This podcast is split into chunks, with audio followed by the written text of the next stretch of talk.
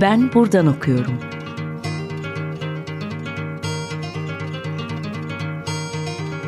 Edebiyat ve başka şeyler.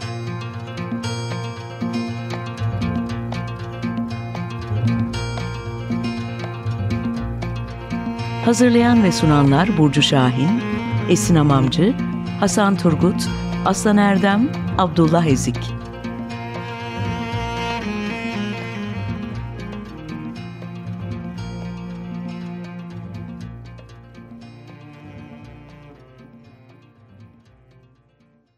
Herkese merhaba. 95.0 Açık Radyo'da Ben Buradan Okuyorum programının adını. Ben Abdullah Evdik. Ee, geçtiğimiz haftalarda Öncür Süretay ile birlikte Osmanlı'nın resmi gazetesi Le Moniteur Ottoman üzerine bir sohbet gerçekleştirmiştik. Ee, bugün e, Öncür Bey ile bu sefer Ebu Ziya Tevfik matbaatlığı ve gazeteciliği üzerine başka bir alanda yine matbuat aleminde dolanan bir söyleşi gerçekleştireceğim. Tekrar bizimle beraber olduğunuz için teşekkürler Özgür Bey. Ben teşekkür ederim. Ee, ilk olarak ben aslında Ebu Ziya Tevfik e, figüründen bir karakter olarak ondan e, söz ederek kimdir, neler yapmıştır onu ve etrafındaki kişileri biraz belirterek giriş yapmak istiyorum. Ee, Ebu Ziya Tevfik'in e, birlikte var olduğu e, grup, onlarla beraber mücadele etmekti ve hayatının hayatı boyunca bu e, arayışın sürmesi onu bir figür olarak da Tanzimat'tan bugüne oldukça önemli kılan e, konu başlıklarından birisi. İlk olarak Ebu Ziya Tevfik'e dair neler söylemek istersin bir giriş bağlamında? E, Ebu Ziya Tevfik önce e, doğum yılını vermek lazım. 1849. 1849'da doğduğu için 10'lu e, yaşlarında Osmanlı basınının Türkçe Osmanlı basınının ortaya çıkıp gelişme dönemine denk geliyor ilk gençliği ve o dönemde 12-13 yaşları bugünkü yaşlarla düşünürsek 20-25'li yaşlara tekabül eden bir dönem. Yani olgun sayılıyor insanlar hemen hemen. E, dolayısıyla birincisi bu insanın e, insanı belirleyen Ebu Ziya Tevfik'in e, gidişatının ne olmasını belirleyen ve İstanbul'da Sultanahmet'te doğup büyüyen bir insan. E, dolayısıyla o basın çevresinin birkaç yüz metre ötesinde e, yaşayan bir genç insan ve bununla yetişiyor ve ilk başta gazetecilik yapmaya başlıyor. Önce gazetelerle e, kültürünü ediniyor. Daha sonra gazetecilik yapmaya başlıyor. Daha sonra matbaacılığa geçecek. 1870'li yıllarda başlayacak ama özellikle 1880 ve 90'larda çok önemli bir matbaacı olarak isim yapacak. Bu arada tabii yayıncılığa da devam edecek. Gazetecilik olmasa bile süreli yayın yapacak.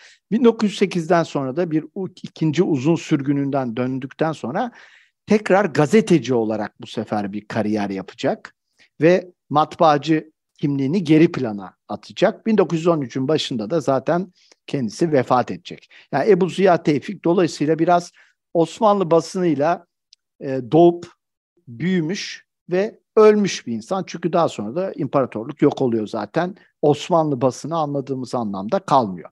Burada belki şeyi de söylemek gerekir aslında. İbn Tevfik İtmit bu anlamda devriyle çok özdeşleşmiş ve tamamen hayatı boyunca matbuat aleminin içerisinde olmuş bir isim. Tıpkı öncülleri ve ardıllarında olduğu gibi Ahmet Mithat Efendi'de, Şinasi'de, Namık Kemal'de olduğu gibi hayatı hep matbuat ile geçmiş ve başka hemen hemen hiçbir konuya meyletmemiş bir isim. E, parasını da ekmeğini de buradan kazanmış, e, fikirlerini de buradan beyan etmiş. Yer yer kurgu metinler de bu noktada kaleme almış bir isim. E, bu noktada e, Ebu Biya Tevfik'i biraz da belirttiğim gibi hatta çevresinden bağımsız bir şekilde çok da ele almak mümkün değil. E, peki bu ismin etrafında kimler vardı ve bunlar Ebu Ziya üzerinde nasıl bir etkiye sahipti? E, Ebu Ziya Tevfik ilk e, basın dünyasına Şinasi'nin yazılarını ve o dönemi yani 1860'ların başındaki e, tasviri efkar ve tercüman afkar, e, ahval ve e, tasviri efkarı okuyarak giriyor. Bunun hemen öncesinde de aynı dönemde hemen hemen Münif Paşa'nın açtığı e, bir takım kamuya açık dersler var. E, bunlar e, e, şey e, Osmanlı İlmiye Cemiyeti'nin e, organize ettiği, düzenlediği ve kamuya açık bedava dersler ücretsiz. Buralarda da bir takım derse gidiyor. Yani öğrenmeye aç bir genç olarak basın dünyasıyla ve yine basın dünyasının kendisi de içinde olan ilk Osmanlı yani ansiklopedicilerinden sayabileceğimiz 19. yüzyılda önemli bir seçkin, düşünsel seçkin olan Münif Paşa'nın çevresinde yetişiyor. İkinci bir aşamada Namık Kemal'le yakınlaşıyor. Namık Kemal de zaten Şinasi ile birlikte gazeteciliğe başlamış. Daha sonra onun yerine geçmiş birisi gazetecilikte 1860'ların sonunda ve Namık Kemal'le birlikte de elbette daha sonra Yeni Osmanlılar ismini alacak bir aktivist, e, siyasi gazetecilik yapan bir grubun çeperinde yer alan birkaç kişiden biri. içinde olan değil ama çeperinde yer alan, üye olmayan ama onların güvendiği çevrelerinde bir nevi çırakları olan bir kişi. Burada benim aklımda Namık Kemal üzerinden bağlamak dediğim bir diğer konu da e, yeni Osmanlılar. Zaten daha sonra kaleme alacağı yeni Osmanlılar tarihi de bu noktada oldukça önemli bir veya bağlamında. Çünkü hem devri anlatmakta hem devrin e, kişiler arasında ne tür bağlar, ilişkiler olduğunu yorumlaması bakımından bu eser çok önemli. E, Namık Kemal Ebu Diya Tevfik üzerinde aslında birkaç farklı noktadan etki hem siyasi olarak etkili bir isim e, hem e, eserlerinde ona aşıladığı fikirler, düşünceler, hürriyet düşüncesi bağlamında önemli bir figür. Peki Namık Kemal ile Ebu Diya Tevfik isimleri arasında tür bir bağ kurmak mümkün? Namık Kemal'i Ebu Diya Tevfik nasıl görür, onu nasıl değerlendirir? Ee, şimdi Namık Kemal Ebu Ziya Tevfik'in çok hayran olduğu, çok sevdiği, aşık olduğu bir kişi. Öyle diyebiliriz. Belki bu çok devirde şunu da belirtmek gerekir ki Namık Kemal herhalde aşık olmayan hemen hemen kimse yoktur. Evet, yalnız tabii bazı yani e, çok e, şöyle de söylemek lazım. Şimdi tamamen erkeklerin kendi aralarında sosyalleştiği bir e, toplumsal e, sosyalleşme düzeni söz konusu. Yani Ebu Ziya Tevfik'in şimdi bazı anlarında Avrupa'ya seyahatlerinde ilk kez bir kadının yanında bir masada yemek yediğindeki müthiş geçirdiği şoku, müthiş heyecanı, paniği kendisi anlatıyor. Ve bu 1880'lerde olan bir hadise. Yani e, o 40'lı yaşlarında ilk kez bir kadınla yan yana Marsilya'ya giderken büyük e, bir geminin içinde orada çünkü restoran var orada oturmak zorundasınız falan. Yani böyle bir dünyada tabii erkekler arası ilişkiler hem bugün işte geçerli olan 19. yüzyıl sonuna itibaren geçerli olan heteropatriyarkal şekillerde yürümüyordu büyük ihtimalle. E, ikincisi sadece erkeklerle sosyalleşiyorlar. Yani orada işte e, cinsi latif denilen e, cins erkek cinsi falan bunlar. Şimdi bunlar derin konular ama e, hani elimizde bir veri yok ama aşık dediğimde gerçekten bu bir aşk şeklinde müthiş bir bağlılık. Yalnız şöyle de bir bunun başka bir yere gidebiliriz buradan. Namık Kemal'in bütün siyasi tavrının çoğu zaman tersinde bir tavır alıyor. Yani Namık Kemal e, işte darbeci birisi. Namık Kemal darbe yoluyla siyasi iktidarı ele geçirme yoluyla çabuk bir şekilde devleti ele geçirerek, siyasi iktidarı ele geçirerek toplumu dönüştürme amacı olan aydınlardan bir tanesi. Öyle bir sürü aydın var o dönemde. Başka dönemlerde de var. Ebu Ziya Tevfik, Ahmet Mithat, bir nevi Şias, Şinasi, Münif Paşa, başkaları var. Bunlar daha ansiklopedist, daha alttan gidelim toplumsal bir değişim olsun, kültürel bir değişim olsun, bizim rolümüz bu olmalı gibi bir pozisyon alan insanlar. Ben burada bunun karakter farklarından çok hayatta karşı karşıya beraber oldukları insanlara karşı yani Namık Kemal daha romantik, daha hareketli, daha cesur ise onun çırağı gibi olan çok yakın olan Namık Kemal de ona karşı kendi kişiliğini oluştururken e, ben daha bir ansiklopi gibi düşünüyorum. Yani böyle bir bakışım var e, tarihe. Dolayısıyla bu açıdan Ebu Ziya Tevfik'in oluşumunda çok önemli etkisi olmuş bir insan olduğunu düşünüyorum Namık Kemal'in. Bir de tabii Namık Kemal'in e, edebiyatı yani Namık Kemal'in üslubu, yazma biçimi Osmanlıca'da çok önemli değişimleri hızlandırmış bir yazar olarak düşünmemiz lazım Namık Kemal'i bir üslupçu olarak. Dolayısıyla bunun da doğrudan tespit edemeyeceğimiz ama muhakkak derin bir etkisi olduğunu düşünüyorum. Kesinlikle. Ee, belki programımızın bu bölümünde küçük bir şarkı arası verebiliriz. Ee, Açık Radyo dinleyicileri için bugün bir de ne çalmak istersiniz? Geçen haftalarda olduğu gibi yine aklıma Ahmet Kaya geliyor. Bu sefer de yazamadım Ahmet Kaya. O zaman hep beraber dinleyelim. Herkese merhaba. Ben buradan okuyorum programına Özgür Türetay ile birlikte devam ediyorum. Ee, bugünkü konu başlığımız Ebu Dünya Tevfik'ti. Programımızın bu ikinci bölümünde biraz daha Ebu Dünya Tevfik'in gazeteciliğinden, matbaasından ve neler yayınladığından bahsetmek istiyoruz. Çünkü Ebu Dünya Tevfik ismi herhalde Türk basın tarihinde, Türk matbuat tarihindeki e, başlıca figürlerden, özellikle hikayenin başladığı noktada ön planda çıkan e, isimlerden e, birisidir. E, ilk olarak Ebu Dünya Tevfik'in e, gazeteciliğe başlaması, ne tür bir e, ne tür bir yayın, gazete yayıncısı olduğu aynı zamanda bunlardan e, söz ederek devam edelim isterseniz. Şimdi Ebu Ziya Tevfik'in gazeteciliği 1860 yılların sonunda ilk makalelerini yazmaya başlıyor. Çeşitli gazetelerde o dönemde zaten çok fazla gazete yok yani bir 10 küsur gazete var. Ee, Osmanlı basınının bence 1908 sonrası bir dönem e, istisna tutulursa en ilginç dönemi, en hareketli dönemi 1869-1873 e, Nisan'ı arasındaki dönem. Burada çünkü Osmanlı basınının bir kısmı e, doğrudan hükümetle, resmi siyasetle doğrudan didişmeye başlıyor ve aslında bir gazeteci kimliğinin inşa edildiği seneler bunlar. Ee, daha öncesinde zaten gazeteci de pek e, kullanılan bir kelime değil. Yani muharrir deniyor, gazete muharriri deniyor, başka şeyler diyor, erbabı kalem deniyor falan filan. Şimdi bu dönemde başlıyor. Bu çok önemli ve bu dönemde o da bir aktivist gazetecilik yapıyor. Özellikle 1872'de İbret gazetesiyle başka İbret gazetesine de katkıda bulunuyor ama kendi yayınladığı Hadika ve Siraç gazetesiyle gayet siyasi Namık Kemal gibi, Ziya Paşa gibi, hatta Ali Suavi gibi son derece sert yazıların e, bir eleştirel bir tonda sürekli yani basın onun kafasındaki basın resmi siyaseti eleştirmek için var. Bu kesinlikle desteklemek için falan filan herhangi bir şey değil. Böyle bir entelektüel bir konumlanma. Ama 1873'te bu tabii başka gazetecilerle birlikte bir sürgünle sonuçlanıyor. 1876 ortasında geri dönebilecekler işte Mithat Paşa'nın darbesi, bir padişah değişimi, büyük bir kriz falan filan. Bundan sonra dönecekler. Ebu Ziya Tevfik o süreçte çok karmaşık e, bir takım e, süreçler içine giriyor. Mithat Paşa'nın mensubanından yani Mithat Paşa'nın adamlarından olduğu için Abdülhamit veya Mithat Paşa'yı seçmek durumunda kalıyor Ahmet Mithat gibi.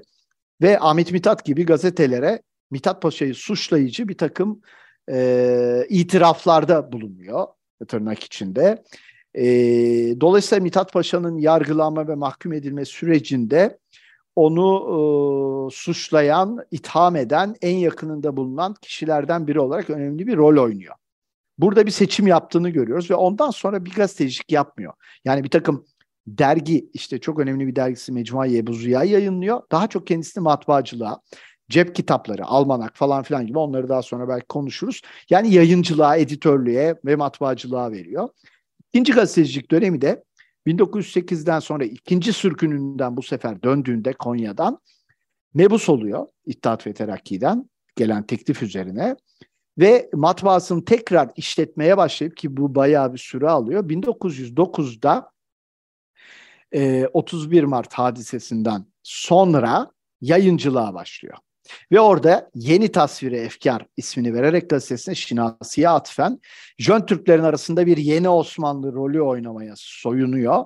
Ve çok önemli bir fikir gazetesi, çok e, saygı duyulan döneminde bir fikir gazetesi, İttihat ve Terakki'yi destekleyen ama zaman zaman eleştirmekten de geri durmayan bir fikir gazetesi çıkarıyor. Orada da tek başına değil çok önemli bir takım aydınlar var yanında. Süleyman Nazif gibi, Filibeli Şehbenderzade e, Hilmi gibi, e, Abdülgani Seni gibi. Yani çok önemli aydın bir figür olarak İttihat ve Terakki'yi bir şekilde destekleyen uzaktan ama İttihat ve Terakki'ye de doğrudan mensup olmayan, dışında kalan ama İttihat ve Terakki e, muhaliflerine de kesinlikle katılmayan böyle ortada bir aydın konumlanmasına geçen bir takım insanlarla birlikte Yunus Nadi ile birlikte Yunus Nadi daha iddiatçı birisi. Ee, böyle bir gazeteyi şey var. Dolayısıyla gazeteciliğinde iki dönem var. Arada da bir matbaacılık dönemi var esas olarak. Tam da bu noktada zaman matbaacılığa da geçelim. Çünkü Ebu Tevfik'in en önemli konu başlıklarından birisi de matbaayı Ebu Diya. Burada yayınladığı kitaplar, yayın politikası ve aslında Osmanlı matbaa tarihinde matbaacılık çizgisinde oldukça yukarı bir yerlere taşıması. Bugün hala Rüya Tevfik matbaatta batılan kitapların değeri ortada. Peki bu matbaayı hem alma hikayetiyle çok enteresan tabii ki o devredilen bir matbaa burada söz konusu ve onun siyasi hayatıyla da çok kesişen bir hikaye bu. E, hem bu matbaayı devralma hem de nasıl bir matbaa idare sistemi vardı Ebu Ziya Tevfik'in, e, nasıl yönetiyordu bu süreci ondan biraz bahsedelim. Şimdi matbaa derken matbaacılığı da aslında iki matbaacılığı var. Birinci matbaacılığı 1870'lerin başında Şinasi vefat ettikten sonra Şinasi'nin cenazesine katılan bütün Yeni Osmanlı çevresinden tek kişi Ebu Ziya Tevfik. Diğerlerinin hiçbiri gelmiyorlar, imtina ediyorlar gelmekten. O dönemde yani işte sürgünden dönmüşler İstanbul'a, Şinasi vefat etmiş. Yani bir takım siyasi korkular şunlar bunlar var büyük ihtimalle. Ee, Ebu Ziya Tevfi'ye buradan e, Şinasi'nin terekesinden Mustafa Fazıl Paşa tarafından satın alınıp Ebu Ziya Tevfi'ye bağışlanıyor. Ama yani bu çok şaşırtıcı bir şey değil çünkü zaten yeni Osmanlıların gazeteciliği de özellikle Avrupa'ya gittikten sonra ama Avrupa'ya gitmeden önce de aslında ama özellikle Avrupa'ya gittikten sonra Mustafa Fazıl Paşa'nın e, basın sözcülüğünü e, yapmak bir anlamda. Onun parasıyla onun propagandasını yapmak ve bunu anayasacılık istekleriyle, anayasa istekleriyle, anayasal rejim istekleriyle bir arada götürmek. Çünkü o siyasi ortamda Mustafa Fazıl Paşa'nın e, kendi kişisel e, ikbal iddialarıyla Osmanlı anayasacılık iddiaları örtüşüyor. Bu nedenle. Yani burada idealize edecek bir şey de yok aslında yeni Osmanlıların gazeteciliğinde. Ebu Ziya Tevfik de bu şekilde alıyor ve ilk bir takım matbaasında işte bir salname gazetelerini falan çıkıyor. Bu matbaanın e, pek önemli bir matbaa olduğunu söyleyemeyiz. Yani işte baskı kalitesi açısından, performans açısından sadece kendi fikirlerini dışarıya vurmasına bir vasıta. Fakat 1876'da döndükten sonra sürgününden, Rodos sürgününden e, ciddi bir oranda kredi alarak ve Sultan II. Abdülhamit'ten çok ciddi miktarda bir para alarak başka bütün herkesin yaptığı gibi o dönemde bütün aydınların yaptığı gibi, bütün yayıncıların yaptığı gibi yani destek alarak bugün nasıl devlet kamu desteği veriyorsa işte konuşuluyor bir takım filmlere falan filan sonra vazgeçiyorlar geri istiyorlar parayı falan. Bu tür bir ilişki var iktidarla siyasi iktidarla aydınlar arasında çok modern bir matbaa kuruyor Avrupa'dan getirtip. İşte bu ikinci matbaada o en iyi örneklerini Osmanlı matbaacının 1880'li ve 90'lı yılların başında veriyor. Ve gerçekten baskı kalitesi olarak o dönemde Avrupa'da yapılan baskılardan çok daha kaliteli genelde. Ama bunun temel bir nedeni var. Çok kaliteli kağıt kullanıyor. Çünkü 1000, 1500 hadi bilemediniz 2000 tiraja basıyor. Bir almanağa diyelim Halbuki Fransa'da bir almanak 100 bin, 150 bin basıyor o dönemde basabiliyor. Dolayısıyla 150 bin kitlesel bir üretim yaptığınızda bir de bin kişiye bir üretim yaptığınızda biri lüks kalıyor.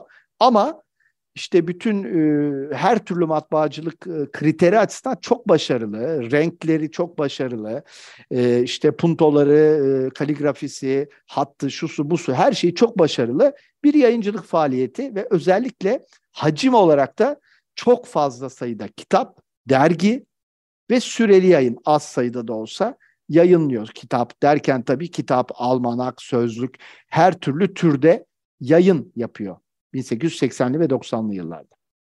Bunlar içerisinde aslında Ebu Ziya Tevfik'in imzası olarak tanımlayabileceğim çeşitli kitaplar, kitap dizileri de var. Bu da bence önemli bir konu. Evet. Şimdi bir makalenin de özellikle sadece bu konuya da değiniyorsunuz. Peki Ebu Ziya Tevfik e, hangi kitapları yayınladı, onun imdat olarak tanımlayabileceğimin, ifade edebileceğimin hangi eserler ve yazarlar vardı? Şimdi e, Ebu Ziya Tevfik'in imzası altında çok fazla sayıda cep kitabı yayınlanıyor. Çok önemli iki cep kitabı koleksiyonu var. Biri yüzü geçiyor, diğeri 12'ye ulaşıyor ancak 12 tane biyografi. Halbuki başta 80 tane bu 1870'lerin sonu 80'lerin başında yayınladığı bir dizi, biyografi dizisi. Me Meşahir dizisi. Çok önemli bir dizi. Keşke 80'e ulaşabilseydi ve bunlar genelde Avrupalı bir tek Jean-Jacques Rousseau var içinde mesela. Hani Abdülhamit döneminin tam ortasındayız 1880'lerin ortasında. Jean-Jacques Rousseau biyografisi yayınlıyor.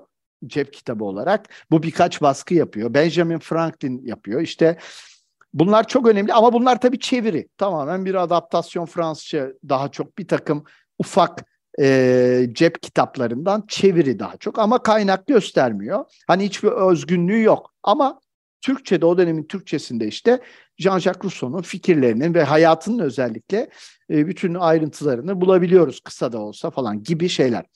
Bir de almanaklar. Almanaklar da tamamen bir kompilasyon yani eski Osmanlı mecmua geleneği gibi ansiklopedik bir şekilde bir kişinin bir yıla dair işte önemli gördüğü basın organlarından falan bir şeyleri bir araya topluyor. Bunların baskıları çok güzel. Bu da Ebu Ziya Tevfik'in kendi toplaması. Yani özgün hiçbir metin yok hemen hemen ama yine Ebu Ziya Tevfik'in imzasını attığı şey. Ebu Ziya Tevfik'in ama kendi özgün eseri Yeni Osmanlılar tarihidir. Bir e, sözlüğü var Lügat-ı Ebu Ziya diye. Bir Osmanlı Edebiyatı antolojisi var. İşte edebiyat tarihçinin ilk modern Osmanlı edebiyatı antolojisi olarak kabul ettikleri ve Fransa'da da Osmanlı Devleti'nde de yani Fransa'da oryantalist şarkiyat okullarında e, Türkiye'de e, Osmanlı Devleti'nde de okullarda ders kitabı olarak da kullanılmış falan bir kitap. Ya yani bunlar kendi eserleri ama kendi eseri derken o dönemin müelliflik e, mefhumu, kavramı, çeviriyi, adaptasyonu, işte ansiklopedik bir araya getirmeyi de kapsayan, bugün anladığımız anlamda yazar, özgün yazar mefhumundan çok daha geniş bir mefhum. Çok teşekkürler. Ee, sanırım bu noktada hem Ebu Düya Tevfik hem dönemine hem de onun gazete ve matbaacılık anlayışına dair de e, önemli bilgiler paylaşmışındır. Daha aklında detaylı bilgileri sizin makalelerinde dinleyenler bulabilirler. Çünkü İbn Dünya Tevfik'in gazeteciliğini, matbuatını ve kişiliğini birçok farklı makalede farklı başlıklar altında değerlendiriyorsunuz. Ee, çok teşekkürler bugün de beraber olduğu için yeniden. Ben teşekkür ederim bu fırsatı verdiğiniz için. Ee, ben teşekkür ederim. Haftaya yeni bir e, konukla yeniden görüşmek üzere. Çok teşekkürler.